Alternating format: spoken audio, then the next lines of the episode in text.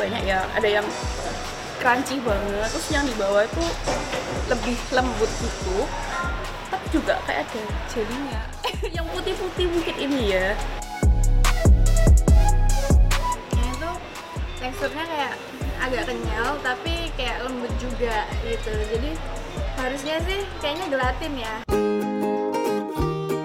Wah, ternyata tebakan dua konsumen ini belum sepenuhnya tepat ya. Nah, sebenarnya kudapan yang disajikan tadi adalah olahan antara jelly dan gelatin. Meskipun sepintas tampak sama, ternyata setelah dimakan, tekstur kedua bahan makanan ini memiliki ciri khas tersendiri. Untuk jelly, teksturnya lebih kenyal, sementara untuk gelatin lebih padat dan lembut. Bagi masyarakat mendengar nama jelly, gelatin, dan agar-agar memang tidak asing di telinga.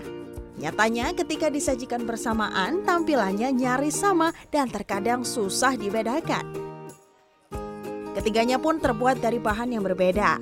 Agar-agar dibuat dari rumput laut atau alga merah. Sedangkan untuk jelly terbuat dari umbi konyaku yang dicampur dengan rumput laut. Karena terbuat dari tumbuhan, agar-agar dan jelly kerap dijadikan alternatif menu vegetarian. Sementara untuk gelatin terbuat dari tulang rawan hewan yang tinggi akan kolagennya. Biasanya bisa diambil dari tulang rawan sapi, kerbau, atau ikan. Jika dilihat dari nilai gizi, ternyata ketiga bahan ini memiliki manfaat yang baik untuk tubuh, khususnya bagi pencernaan pencernaan itu juga baik karena dalam agar-agar sendiri dalam untuk komposisinya sendiri sebanyak 80% itu mengandung kandungan serat makanan sehingga baik untuk pencernaan tubuh. Se untuk jelly juga sama bisa dapat menurunkan kadar kolesterol dalam darah, bisa juga mencegah terjadinya berat badan berlebih sehingga terjadi untuk diet juga bagus.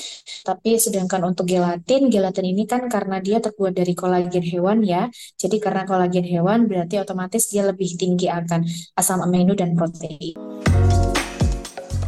Agar gizi pada makanan ini bisa dirasa maksimal manfaatnya bagi tubuh, tentu harus melalui proses pengolahan yang tepat.